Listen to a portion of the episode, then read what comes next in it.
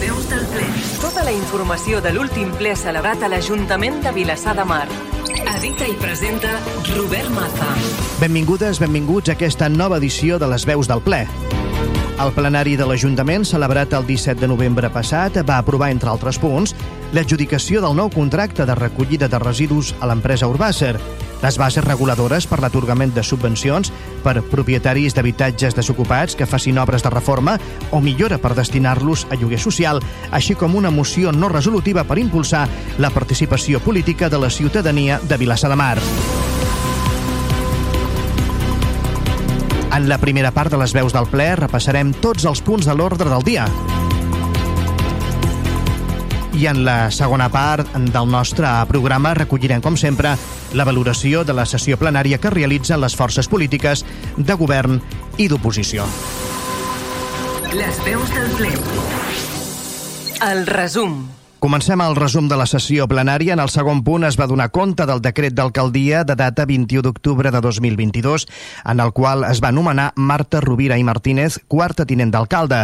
Se li van delegar les regidories de Joventut, Participació Ciutadana, Transparència i Igualtat i se la va nomenar membre de la Junta de Govern local. El tercer punt es va aprovar amb els vots a favor d'Esquerra Republicana de Catalunya, Gent per Vilassar de Mar, l'abstenció de Ciutadans i Partit dels Socialistes de Catalunya i els vots en contra de Vavor i Junts Vilassar de Mar, la continuïtat del procediment per autoritzar, disposar i reconèixer l'obligació de pagament d'una factura d'Urbàcer de 226.244 euros. Els grups de l'oposició van reiterar els arguments de sessions plenàries anteriors sobre aquest punt i de manera general van insistir a denunciar, van dir l'anomalia que suposa haver d'aprovar en ple les factures que permeten pagar un servei prestat. Els quatre punts següents, el quart, cinquè, sisè i setè, recollien modificacions de crèdits mitjançant suplement de crèdit finançat amb romanent de tresoreria per despeses generals en el pressupost de l'Ajuntament de 2022 i van ser exposats de manera conjunta per part del regidor d'Hisenda, Josep Soler. El quart punt que proposava la modificació de crèdits mitjançant suplement de crèdit finançat amb romanent de tresoreria per despeses generals per import de 123.900 euros en el pressupost de l'Ajuntament es va aprovar per unanimitat. El punt cinquè es va aprovar amb els vots a favor d'Esquerra Republicana de Catalunya, Gent per Vilassar de Mar i Junts Vilassar de Mar, l'abstenció de Ciutadans i Partit dels Socialistes de Catalunya i els vots en contra de Vavor. Recollia la modificació de crèdits mitjançant suplement de crèdit finançat amb romanent de tresoreria per despeses generals per import de 156.883 euros per pagar la indemnització per la suspensió total del servei de la piscina municipal durant l'exercici 2021 a conseqüència de la situació de pandèmia generada pel coronavirus. En aquest punt, el portaveu de Ciutadans, Juan Díaz, va expressar els dubtes del seu grup sobre les justificacions donades per l'empresa que gestiona la piscina municipal per reclamar la indemnització i va afegir que no estan d'acord amb com gestiona aquest equipament municipal. En veu de Quico Zamora, el Partit dels Socialistes de Catalunya va assegurar que aquest és un tema que preocupa molt el seu grup. Quico Zamora va afirmar que la pèssima gestió del tema piscina deixarà en res Urbàcer i les seves conseqüències econòmiques seran pitjors que les de Can Vives i va afegir que hi ha un abandonament absolut de la gestió d'aquest equipament. Vavor va justificar el seu vot en contra, entre altres motius, perquè en l'informe jurídic no s'ha acreditat quina part de les seves pèrdues es deuen a la Covid i perquè l'empresa concessionària no respon de forma satisfactòria als requeriments d'informació. Helena López va manifestar ja entenc que el govern vol evitar litigis i no vol anar en contra dels actes propis, però ja està bé de cedir a les pressions del concessionari sense demanar res a canvi. Junts Vilassar de Mar va considerar que es tractava d'un tema legal i va votar a favor. Per part d'Esquerra Republicana de Catalunya, gent per Vilassar de Mar, el regidor d'Esports, Jordi Tàpies, va confirmar que els passos que s'estan donant són per evitar que es judicialitzi el tema i per anar tancant carpetes, ja que es tracta d'un contracte complex. El sisè punt, la modificació de crèdits mitjançant suplement de crèdit finançat amb romanent de tresoreria per despeses generals per import de 250.000 euros per satisfer la despesa corresponent al desajust de tresoreria al 2022 de Vilassar Societat Municipal de Promocions Urbanes SA, és a dir, la Societat Anònima Municipal, es va aprovar per unanimitat. Pel que fa al punt setè, es va aprovar amb els vots a favor de Ciutadans, Junts Vilassar de Mar i Esquerra Republicana de Catalunya, Gent per Vilassar de Mar i els vots en contra de PSC i Vavor. Es tractava de la modificació de crèdits mitjançant suplement de crèdit finançat amb romanent de tresoreria per despeses generals per import de 213.070 euros. Aquesta despesa correspon a l'amortització anticipada a curt termini dels préstecs a 2023 i, segons va explicar Josep Soler, té l'objectiu de reduir la càrrega financera pel proper exercici. En aquest punt, Quico Zamora va considerar irresponsable destinar 300.000 euros a reduir préstecs quan no sabem, va dir, com es cobriran les necessitats pressupostàries de l'any que ve. Zamora va afegir, pels increments aprovats en guany, calculem que hi haurà 2 milions d'euros de desequilibri pressupostari. Com els cobrirem, amb quins ingressos? No tenim aquesta informació i creiem que el govern té l'obligació almenys de dibuixar uns pressupostos perquè qui entri conegui l'evolució. Vavor va criticar que el govern, com volia el Partit Popular amb la llei Montoro, destini el superàvit o romanent de l'Ajuntament al pagament del deute. Tamara Mateos va afirmar que és lamentable que tenint la possibilitat oberta per l'excepció de la llei Montoro des de fa dos anys, s'opti per anticipar el pagament als bancs en lloc de destinar-lo a polítiques socials necessàries per Vilassar de Mar. Laura Martínez, portaveu de Junts Vilassar de Mar, va retreure al govern de manera general que els sobrin diners perquè pressuposten coses i després no les executen i llavors, al final de l'any, els sobren diners. I així, any rere any, el seu sistema de funcionar és aquest. Va afegir que tant de bo sobressin diners perquè està tot cobert, però el poble té mancances i vostès tenen, va dir, un munt de diners cada any. No ho entenem. Interpel·lat sobre la pujada de l'impost sobre béns immobles l'IBI pels diferents grups de l'oposició, el regidor d'Hisenda, Josep Soler, d'Esquerra Republicana de Catalunya, gent per Vilassar de Mar, va afirmar que en els últims anys l'equip de govern ha fet accions perquè no pugi en 4 anys i no ha fet res en 3 anys. Josep Soler va afirmar que anteriors governs, tant de Convergència com del PSC, van pujar l'IBI en un any com Esquerra Republicana de Catalunya, gent per Vilassar de Mar, en 7. El vuitè punt de l'ordre del dia, la modificació de la relació de llocs de treball i la modificació de la plantilla de la Corporació de l'Ajuntament es va aprovar per unanimitat. Això permetrà crear dues places de treballador social a dos, una d'educador social a dos, una de tècnic d'ocupació i formació a dos i un lloc de tècnic auxiliar de biblioteca C1. En el novè punt, el plenari va aprovar per unanimitat l'increment salarial addicional d'un 1,5% de les retribucions del personal al servei de l'Ajuntament per l'any 2022 respecte a 31 de desembre de 2021 i amb efectes des del dia 1 de gener de 2022. Pel que fa al desè punt de l'ordre del dia, es va aprovar, amb els vots a favor de Ciutadans, PSC, Junts, Vilassar de Mar i Esquerra Republicana de Catalunya, gent per Vilassar de Mar, i els vots en contra de Vavor, l'adjudicació del servei de neteja viària i recollida de residus de l'Ajuntament l'expedient de contractació, el plec de clàusules administratives particulars i el plec de clàusules de prescripcions tècniques que regiran la prestació dels serveis de recollida de residus i neteja viària ja s'havien aprovat en el ple ordinari del mes de febrer d'aquest any. Segons va explicar el regidor de Medi Ambient Joan Roca, són dues les empreses que es van presentar a la licitació d'aquest contracte. Urbàcer i la Unió Temporal d'Empreses Fomento de Construcciones i Contrates Limassa Vilassar. En la classificació de les dues ofertes rebudes, Urbàcer va obtenir 166,394 punts, mentre que la Unió Temporal d'Empreses Fomento de Construcciones i Contrates Limassa Vilassar en va rebre 153,063. En funció d'aquesta classificació, es va acordar adjudicar la contractació del servei de neteja viària i recollida de residus de l'Ajuntament a la mercantil Urbàcer Urbàcer, amb les condicions que va detallar Roca. Import d'execució, 28.909.648 euros. Termini d'execució, 8 anys. Bossa de recursos addicionals, 25.000 euros any. Increment del pressupost destinat a campanyes de comunicació, 112.300 euros. Increment del pressupost destinat a control de la qualitat, 98.263 euros. I pressupost destinat a motivació de personal, 56.150 euros. El portaveu de Ciutadans, Juan Díaz, va dir que nunca és tarde si la dicha és buena. I va afegir, però en aquest cas anem tres anys tard i el retard no ha portat res de bo pels nostres ciutadans. I va preguntar, quant de temps trigarem a veure aquest contracte implementat? Va afegir que posa en marxa el comptador. El portaveu del Partit dels Socialistes de Catalunya, Quico Zamora, va dir que no estaven plenament satisfets dels resultats obtinguts per la Comissió de Treball que va impulsar l'oposició per renovar aquest contracte. Quico Zamora va afegir És un contracte de mínims, però esperem que ens permeti sortir d'aquesta situació. Veurem quina és la seva implementació, el seguiment que se'n fa i les possibles millores amb el temps. Apostem pel consens i per això votem a favor. Vavor, que ja havia votat en contra dels plecs al febrer, va insistir en els arguments exposats aleshores. Va criticar que aquest contracte no inclogui un pla de prevenció de residus i va assenyalar qüestions que consideren sorprenents, com ara les puntuacions força baixes que té Urbàcer en aspectes importants com la recollida comercial porta a porta, la neteja interior dels contenidors o l'escombrada manual i mixta. Helena López va assegurar aquest contracte consolida el sistema que ja tenim, un servei privat en lloc d'una gestió directa com la que ja existeix a altres municipis com Ripollet o Castelldefels. López va concloure que aquesta és una oportunitat perduda. Aquest sistema té molts punts febles. Laura Martínez, portaveu de Junts Vilassar de Mar, va afirmar fa quatre anys que demanàvem això, així que ara no entrarem en l'adjudicació, que entenem que hi ha tècnics que s'ocupen d'això. Arriba tard.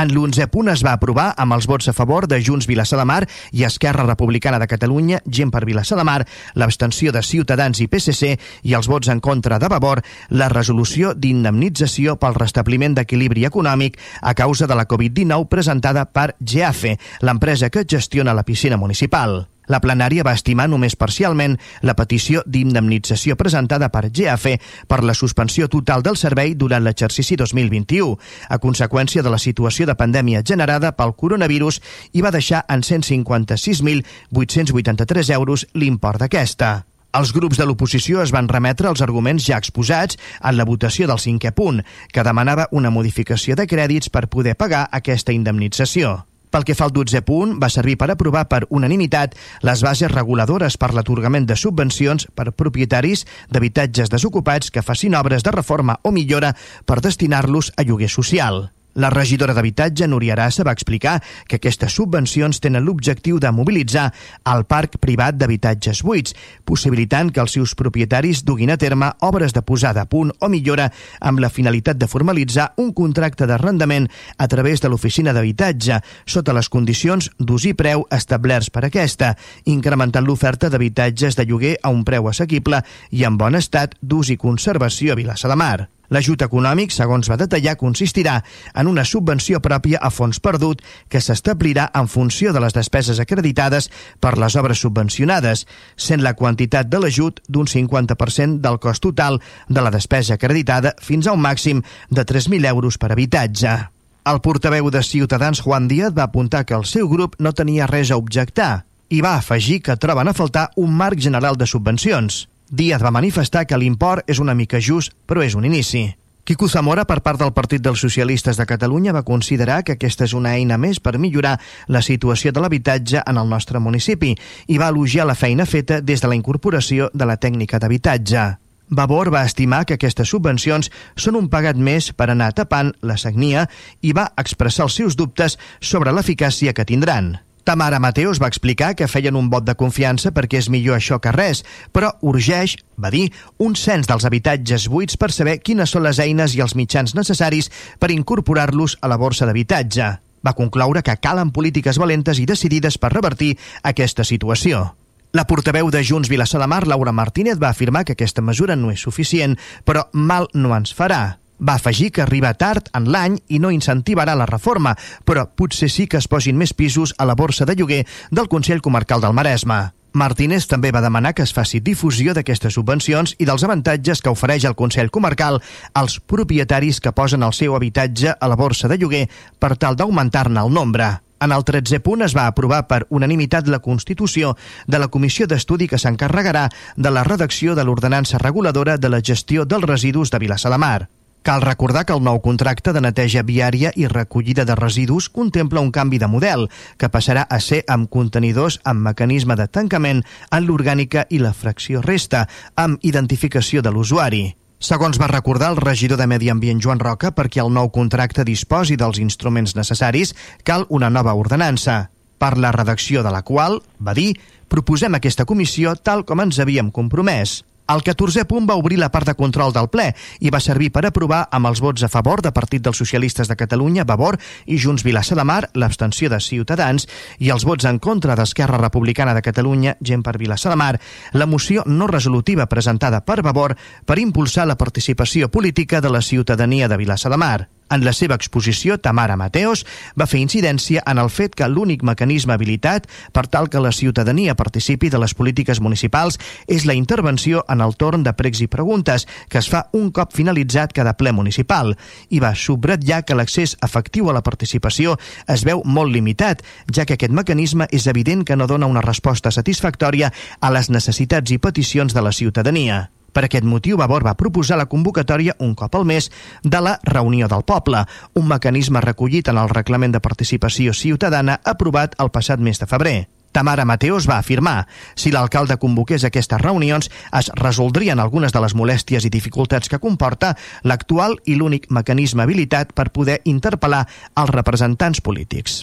Ciutadans va recordar que les eleccions també són un mecanisme de participació de la ciutadania i tot i expressar els seus dubtes sobre si aquesta proposta serà una solució, va considerar que es tracta d'un pas. El PSC va demanar que es retirés la moció perquè tota l'oposició pogués redactar una moció resolutiva per demanar la immediata creació d'una comissió participativa en considerar que la reunió del poble no està concebuda per aquesta finalitat. Vavor va rebutjar retirar la moció. Laura Martínez, de Junts Vilassar de Mar, va dir benvinguda a tota participació i tots els retiments de comptes. Per part d'Esquerra Republicana de Catalunya, gent per Vilassar de Mar, la regidora de participació, Marta Rovira, es va mostrar d'acord en alguns punts, però va recordar que ja existeixen altres mecanismes de participació, com ara les reunions que es poden sol·licitar amb els regidors i les regidores, i va assegurar que un mecanisme així s'ha d'estudiar molt bé i s'ha de fer un reglament perquè tothom pugui participar. Tot recordant la seva recent incorporació al govern, Rovira va afegir que ja ha convocat la Comissió de Redacció d'implementació del reglament de participació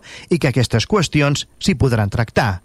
En el torn de pregs i preguntes, el setzè i últim punt de l'ordre del dia, Ciutadans no va formular-ne cap i Junts Vilassar de Mar les va lliurar per escrit. El PSC va mostrar la seva decepció per com s'ha gestionat la commemoració de la Festa de la Independència Municipal. El PSC va dir que no se'ls hi havia donat peu a participar en res, no sabien si s'ha fet divulgació escolar i aquest no era l'esperit. Van afegir que estan decebuts i que a veure si es pot millorar la segona celebració. Vavor, per la seva banda, va demanar el pressupost i les fonts de finançament del projecte Patis Pedagògics, així com confirmació de si l'escola franciscanes, que és concertada, participa del projecte.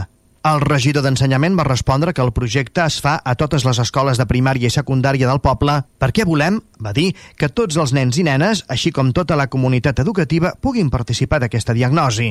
Jordi Tàpies va afegir que l'Ajuntament costeja íntegrament aquest projecte, que compta amb un pressupost d'uns 10.000 euros. Vavor també va preguntar pel resultat de l'estudi del Pi del Barato i per les opcions del govern, tot recordant el problema de seguretat que pot suposar aquest pi i la intenció inicial del govern de conservar-lo, el regidor de Medi Ambient va explicar que la solució més fàcil, efectiva i econòmica no és possible, ja que les arrels estructurals són molt superficials i no es pot aplicar al sistema de grapes que s'havia plantejat com a primera opció. Joan Roca va afegir que espera noves solucions de l'empresa contractada i es va comprometre a fer-les arribar als grups de l'oposició quan les hagi rebut. Helena López va voler conèixer les previsions del govern respecte a la guingueta de Jabú que es va desmuntar abans de temps. El portaveu d'Esquerra Republicana de Catalunya, gent per Vilassar de Mar, Àngel Font, va respondre que la Comissió de Platges de l'Ajuntament ja ha estudiat aquest assumpte, té material probatori de diferents incompliments i ha parlat amb la demarcació de Costes de Catalunya, que també hi té competències per aplicar el règim de sancions de la mateixa licitació per aquests incompliments.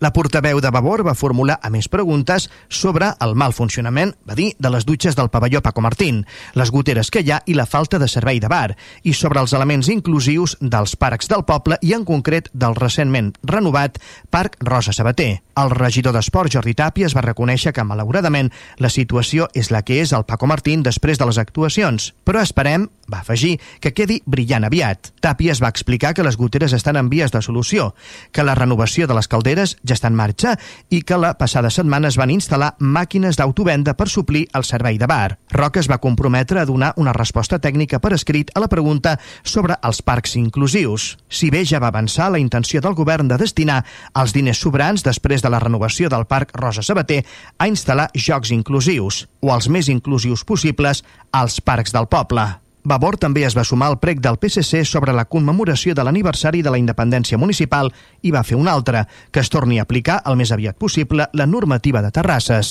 El ple es va tancar amb la intervenció d'una ciutadana que va manifestar que el poble està molt brut i deixat i en representació també d'altres ciutadans va proposar diverses mesures per millorar la neteja com ara l'augment del pressupost per a aquest fi i l'increment de papereres que tinguin cendrers. L'acte de la plenària anterior es va aprovar per unanimitat. També es va donar compte d'una sèrie de decrets d'alcaldia.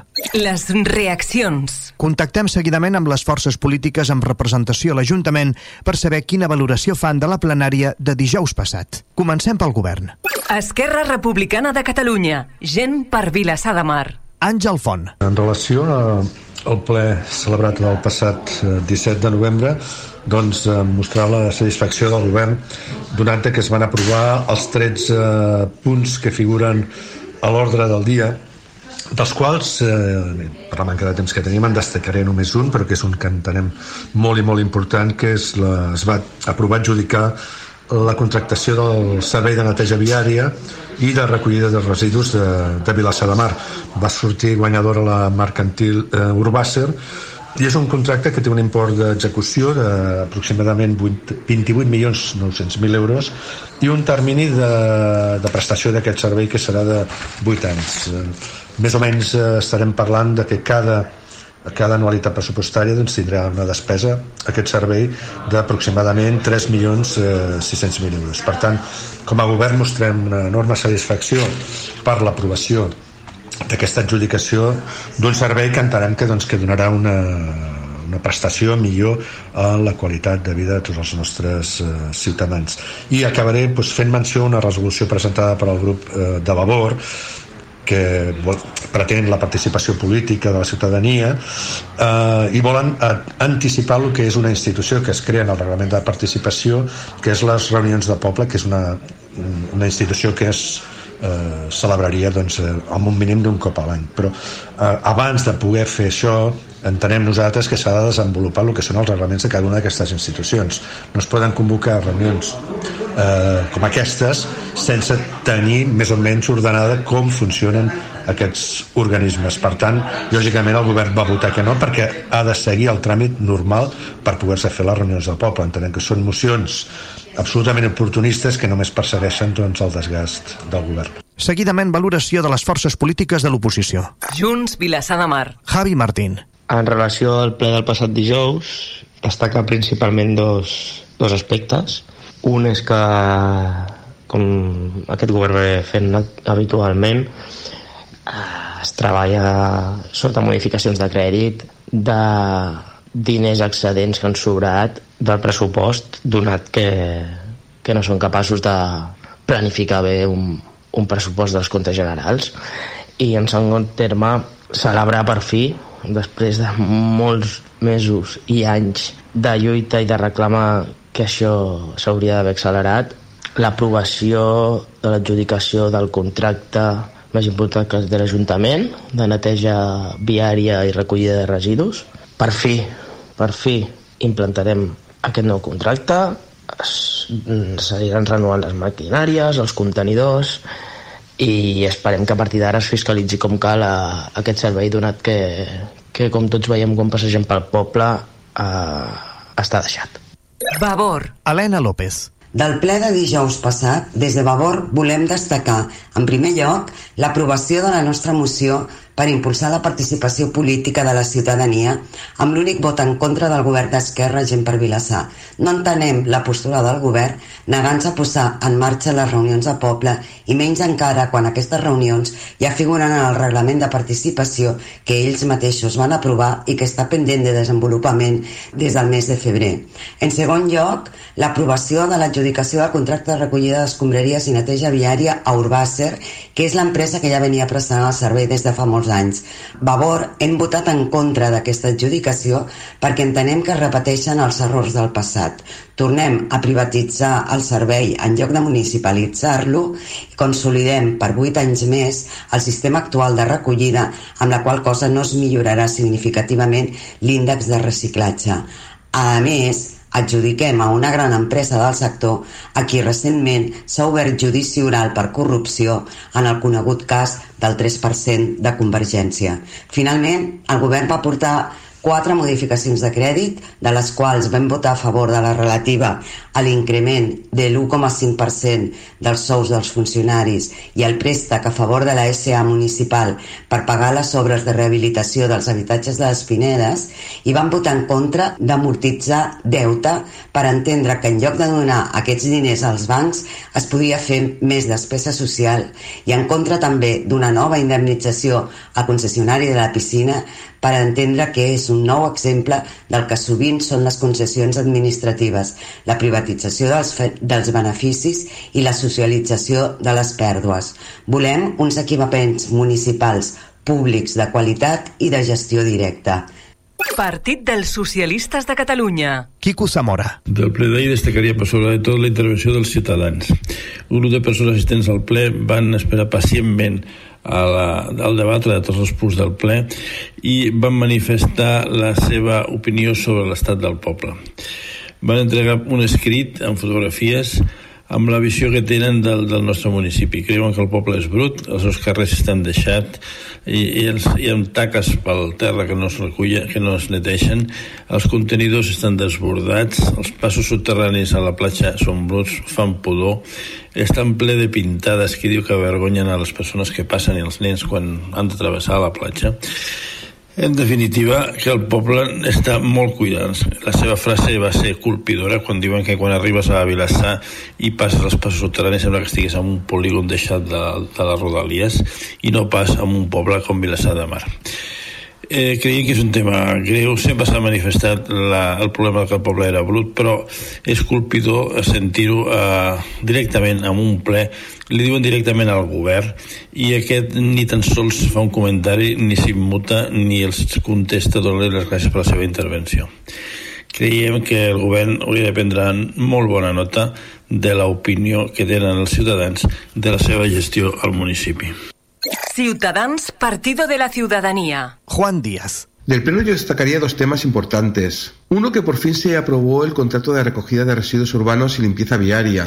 Un contrato que se ha demorado cerca de tres años, mucho tiempo, por una gestión, eh, por una mala gestión del gobierno, mmm, por una inacción completa y que ha tenido consecuencias negativas, muy negativas en nuestro municipio, ¿no? En la limpieza de calles y plazas, que cada vez ha ido peor, en la eficiencia de la recogida selectiva, también eh, con muchos déficits, en la molestia y ruidos ocasionados a los vecinos con camiones viejos, con equipos y contenedores en mal estado y, deteriorados, ¿no?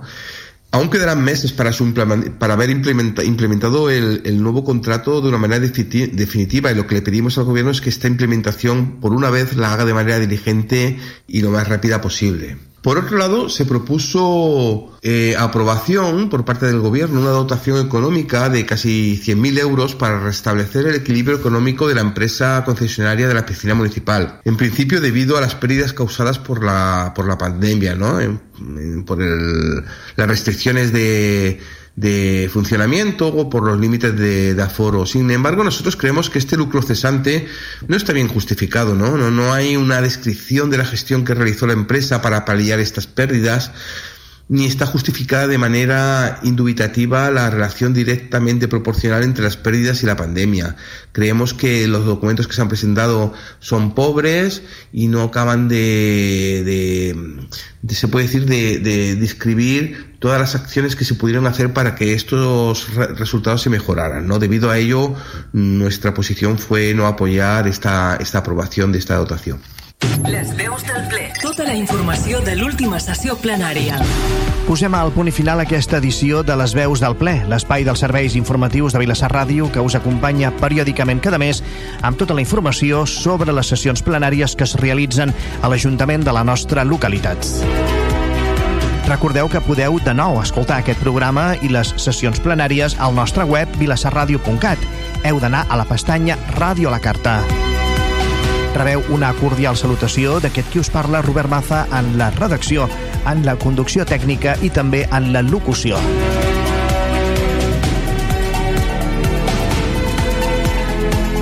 Gràcies per acompanyar-nos una vegada més.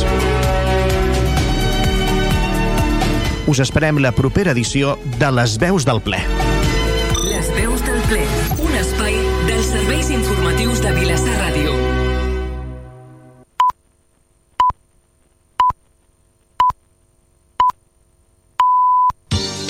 Vilassar Ràdio són les 4 de la tarda. El millor regal, la salut. Ara que hem entès el valor que té, cuidem-la.